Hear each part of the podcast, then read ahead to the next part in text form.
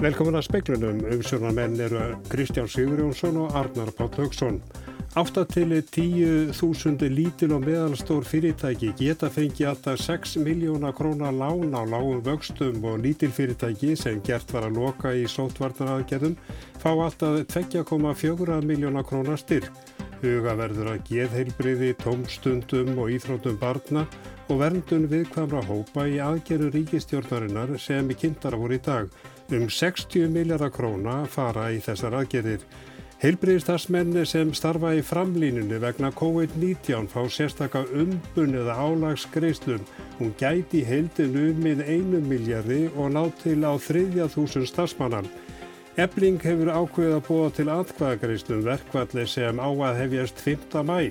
Það næði meðal annars til félagsmanna sem starfa hjá sveitarfélagunum Kópavógin, Moselsbæi og Sentjarnanessin. Koronaveiru tilfellum hefur fjölgast svo hratt í Mexiko að viðbúnaðarstig hefur verið hækkað. Fórsiti landsins er sakar um að hafa bröðir seint og illa við farsóttinni.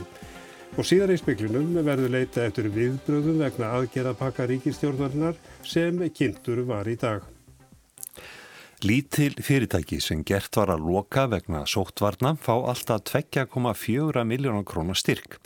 8 til 10.000 lítil og meðalstór fyrirtæki sem orðið hafa fyrir að minnstakosti 40% að tekjufalli geta fengið alltaf 6 miljónar krónar lán á mjög lágum vöxtum og fyrirtæki sem skiluðu hagnaði fyrra geta frestað tekjuskattsgreislun til næsta árs. Þetta er meðal þess sem ríkistjónin kynnti í öðrum efnahags aðgerðapakka sínum vegna COVID-19 faraldusins í dag. Næstu aðgerðir verða kynntar í mæ. Um 8 miljardar króna fara í félagslegar aðgerir eins og til dæmis að bæta geðhilbriði, vernda viðkvæma hópa eins og langveik börn, aldraða og öryrkja og til að ebla íþrótta og tómstundastörf barna. Katrín Jakobsdóttir, forsættis á þeirra, segir að um 60 miljardar króna fari í aðgerinnar. Ég þær eru auðvitað náttúrulega gríðalega margra fyrirtækja á markaðis og það sé sagt. Þetta er verið meiri hluti starfandi fyrirtækja, þau eru auðvitað flest lítil og meðalstór. Síðan er þessi félagslegi pakki sem sömu leiðis er stór upp á 8,5 miljard sem nær utanum all marga hópa í samfélaginu. Þannig að ég held nú að nánast allir muni finna fyrir þessum aðgerðum. Er þetta nóg fyrir heimilin? Allt sem við erum að gera er fyrir fólkið í landinu, fólkið á heimilunum og fólkið sem er á ólíkum vinnustöðum og það sem stæðjar okkur að núna, svo hætta sem stæðjar að okkur núna er þetta mikla atvinnuleysi og þess vegna erum við að tryggja að við getum komið fólki til starfa, að við getum haldið fólki í störfum, að við getum bóðið upp á ný tækifæri, um það snúast okkar aðgerið það er að tryggja afkomi fólks saði Katrín Jakobsdóttir í viðtali við Kristínu Sigurðardóttur. Bjarni Benedisson fjármálar á þeirra segir mikilvægt að huga þeim litlu fyrirtækjum sem að gert að loka í aðgerðum til að sportna gegn faraldrinum.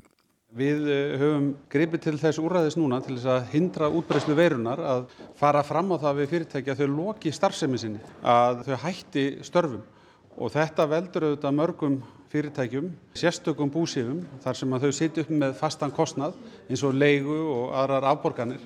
Að hluta til höfum við komið til móts við þessi fyrirtæki með hlutastarfaleðinni en við teljum eðlilegt að meðan að þetta tímabil varir þar sem mönnum er gert að loka að þá standið þeim til bóða að fá styrk og við erum að ræða hér um það byrj 800.000 krónur fyrir hvert starfsmann en þó að hámarki 2,4 miljónir sem að mun skipta máli fyrir mjög mörg fyrirtæki sem að hafa lendið þessari stöðu.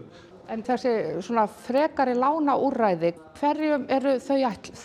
Já, svo til viðbútar við þennan sérstaka lokunarstyrk, þá erum við með núna nýja lánategund sem er sérstaklega sniðin að minni fyrirtækjum og þar erum að ræða 6 miljón krónar lán á sérstaklega hagstafum vöxtum á 1,75% vöxtum sem eru vextir Sælabankans, lán sem er veittið 30 mánada og er alveg afborgunarlaust fyrstu 18 mánuðina. Þarna erum við að tegja okkur til fyrirtæki sem eru með fáa starfsmenn en það eru viðmiðin til þess að komast í þetta lánaúræði svona sniðin að smerri fyrirtækjum. Það er talað til dæmis um að hámarki 500 miljónir í veldu. Enga síður er þetta fyrirgreisla sem getur skipt miklu máli og bak við hana er 100% ríkisábyrð sem tryggir að við getum afgreitt mikinn fjölda af umsóknum á skömmum tíma. Saði Bjarni Benedisson í samtali við Þórtísi Arljótsdóttur. Og meirum aðgera pakkan, ríkistjóðin hefur ákveðið að heilbriðistarsfólk fái sérstakta álag eða umbun vegna starfa í framlínni vegna COVID-19. Sigur Ingi Jóhansson, samgöngur á þeirra, segir að heildargreislur geti numið alltaf einu miljardi króna. Það eru augljóslega auki starfsálag vegna verkefna, fjölgunar sjúklinga en líka bara vegna þeirra aðstæðna sem þú þart að vinna við og uh, þetta eru þá einhvers konar launa auki, einn greiðsla umfangið er þá 1 miljardur og gæti tekið til uh, eitthvað á 3000 starfsmanna. Útfæslan er því nánar í höndum annars vegar heilbriðis ráðnættisins og síðan fórstuðum manna hvers, hverjar stofnunar. Þetta var Sigur Ingi Jóhansson. Lauruglan hefur til rannsóknar þrjú meint brot á samkomiðbandi. Þetta kom fram í máli Víðis Reynissonar yfir þjóns á upplýsingafundi almannavarna í dag. Ég kannaði þetta myndi morgun og, og það er sem bara eitt mál sem hefur lokið með sektakræslu en það eru þrjú mál í rannsón hjá lauruglu. Hvers konar mál? Sem brot á samkominni. Hvers konar brot? Ég bara er ekki með nánar upplýsingar heldur en það. Þetta er bara í málaskráni er þetta brot á samkominni sem þetta er rannsónar saði Víðir Einarsson. Fimm ný koronaveri tilfelli greindust hér á landi í gær, þrjú á höfuborgarsvæðinu, eitt á Suðurlandi og eitt á Vesturlandi. Virkum smitum heldur áfram að fækka en þau eru nú 351. 25 manns með COVID-19 eru nú á sjúkrahúsi, þar af 5 í gjörgjæslu.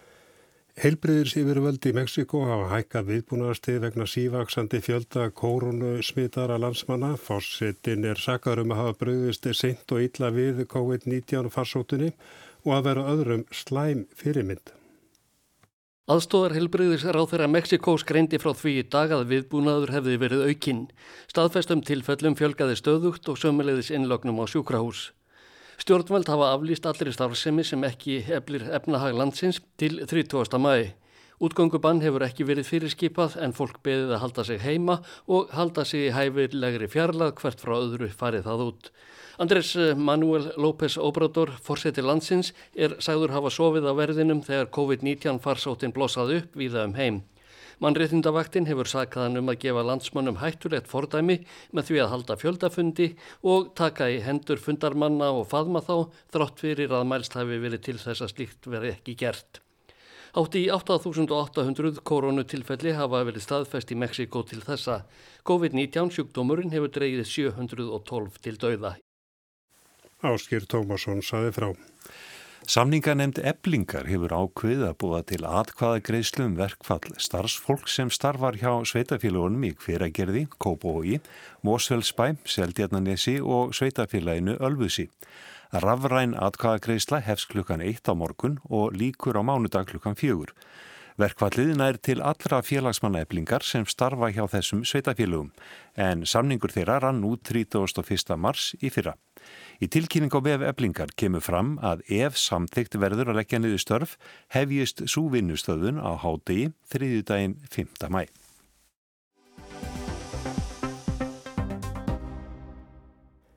Og hér á eftir ætlum að fá stutt viðbröð við aðgera pakka ríkistjórnarinnar og við ætlum að ræða við nokkra fórustumenn á vinnumarkaði og í atvinnlífinum.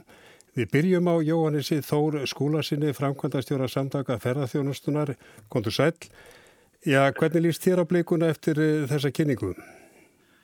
Þetta koma fram aðgerðir sem að munu nýtast eh, einhverjum af okkar fyrirtækjum, þar að segja eh, litlum og, og svona þeir minni meðalboru.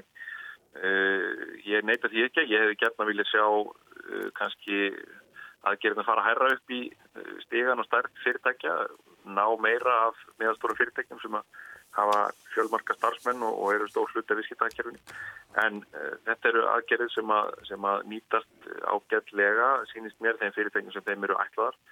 Við þurfum hins vegar enn á uh, sértækum aðgerðum til handa ferðarþjónustu fyrirtækjum vegna sértæks vanda þeirra, tekið fært sem mjög langan tíma að halda og þar horfum við fyrst og fremst um á, á uh, mikilvægi þess að, að einhvern veginn verði komið til mótsu fyrirtæki þannig að þau getur staðið við skuldunninga sína kakvart uppsagnarfresti starfsmanna.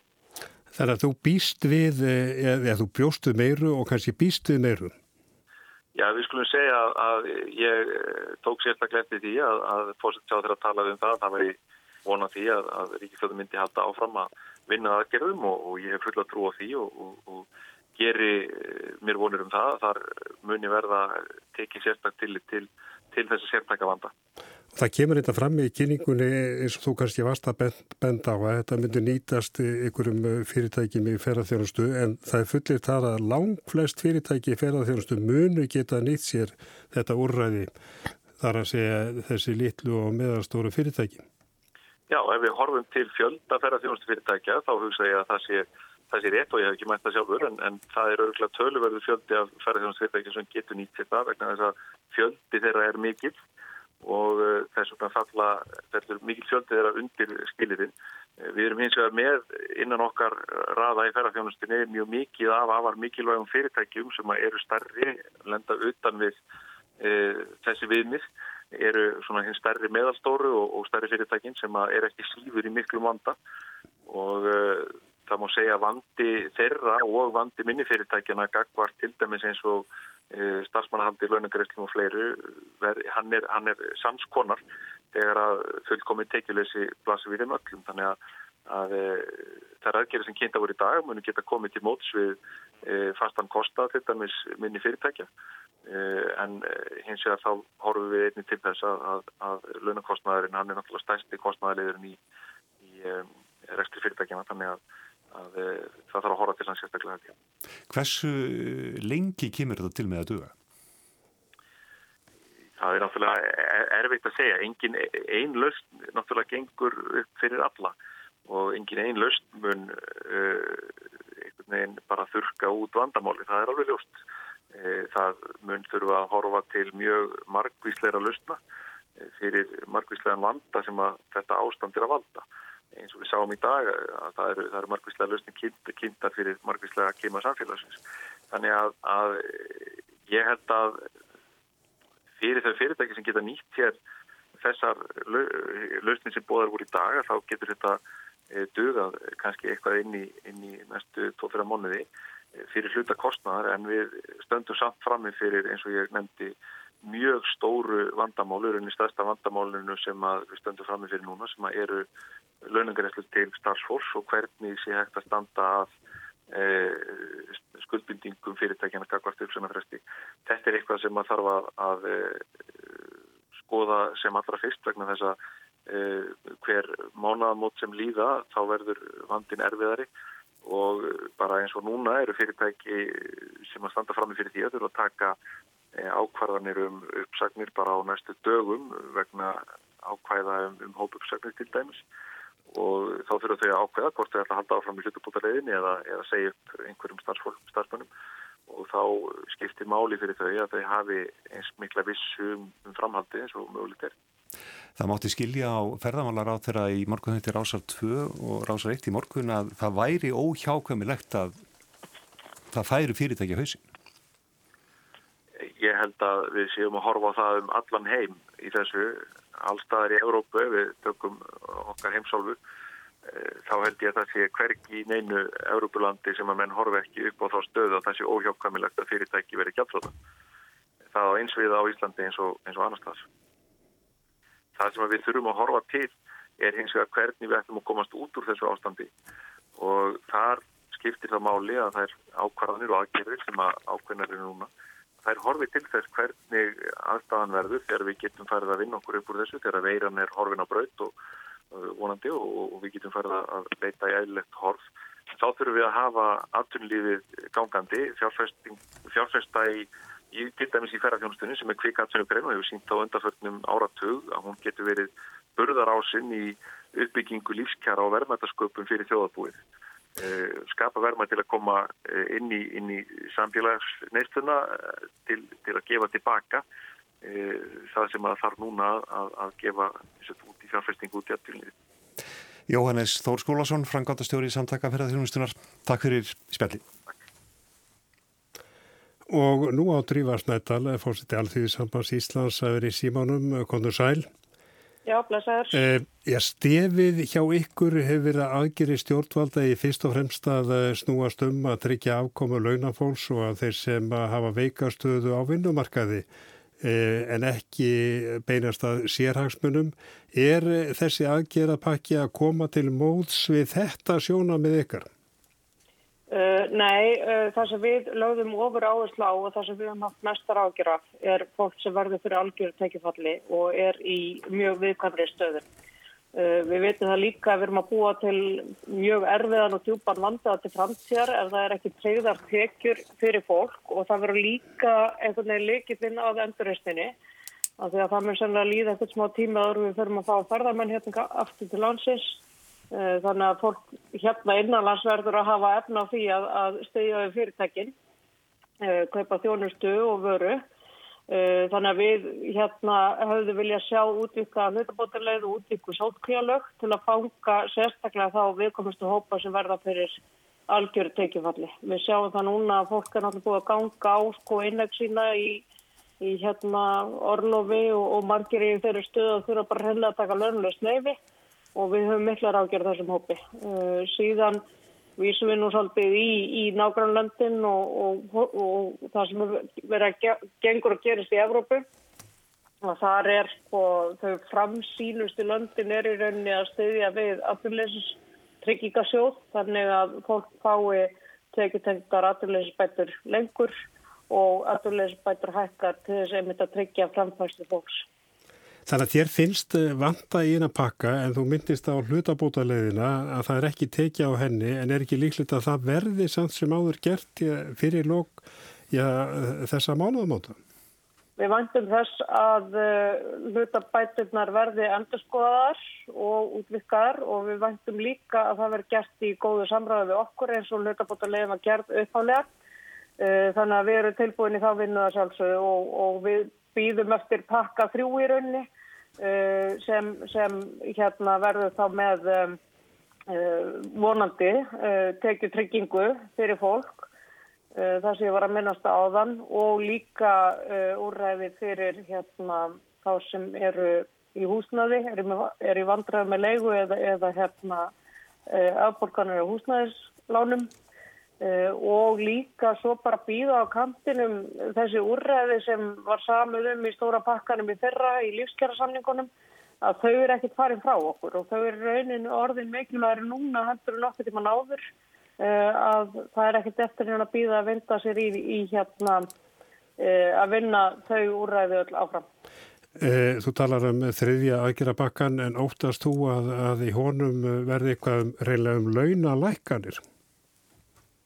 Uh, nei, ég hef ekki heyrt það og ég, það kemur mér óvart ef svo væri ef það ætti að fara að skerða laun, almenns launafólks.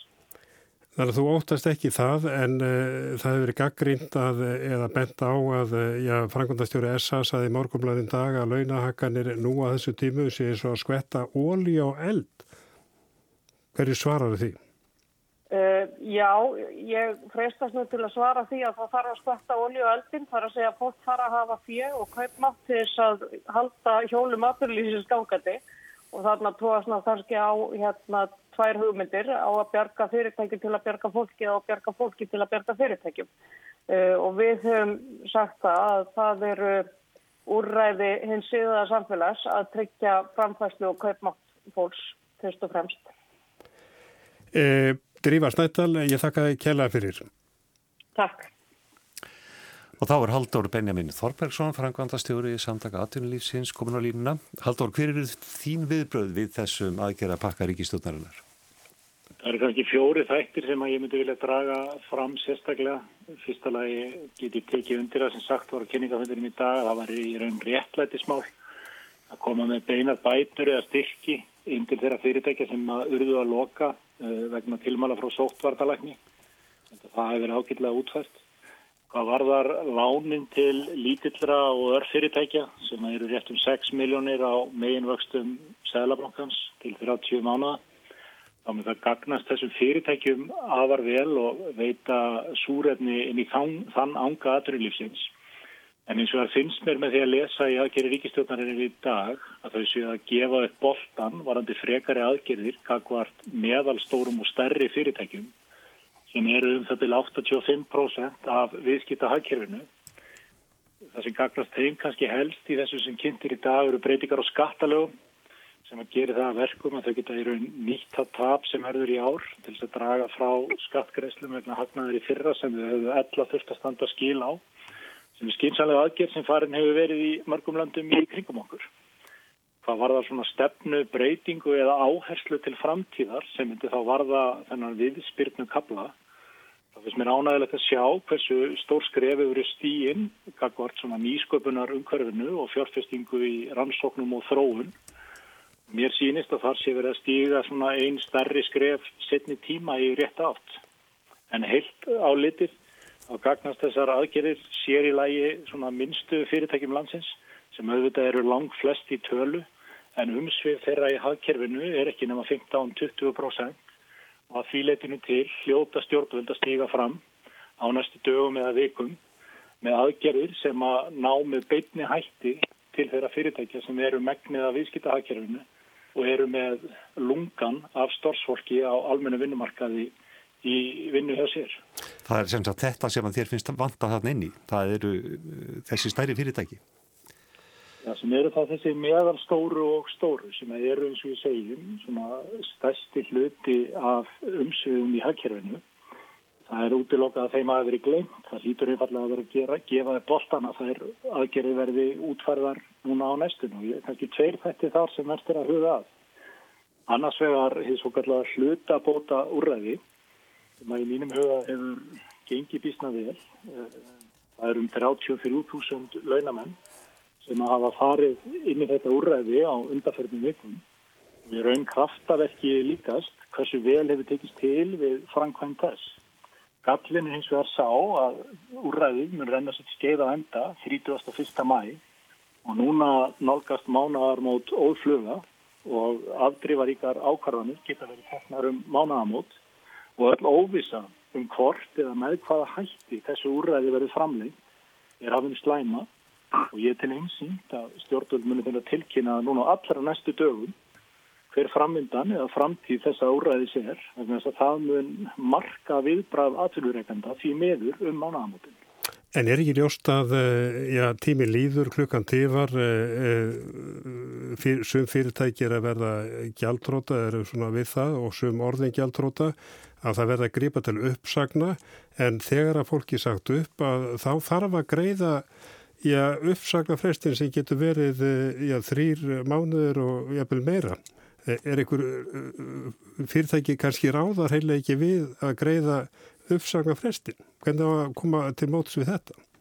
Það er náttúrulega blasir við öllum sem hafa augun opinn að fyrirtæki sem verða fyrir 100% tekjufalli, það er að segja, bara standa eftir algjörlega tekjulegs, að þau geta ekki staðið undir fjárútlátum, korki í bráðinni lengt og allra síst, til dæmis þau fyrirtæki sem eru nú þegar að nýta þetta hlutabóta úræði, eh, sangvað tólkun vinnumálastofnunar er það með þeim hætti að ef þau ákveða að segja upp starfsmönnum sem er algjör varnar aðgerð og síðast er valkostur aðunurreikanda, þá þýðir það að sá starfsmöður kemur aftur í 100% starfslutfall í þrjá mánuði, ef uppsagnarfrestur hans er í þrjá mánuði.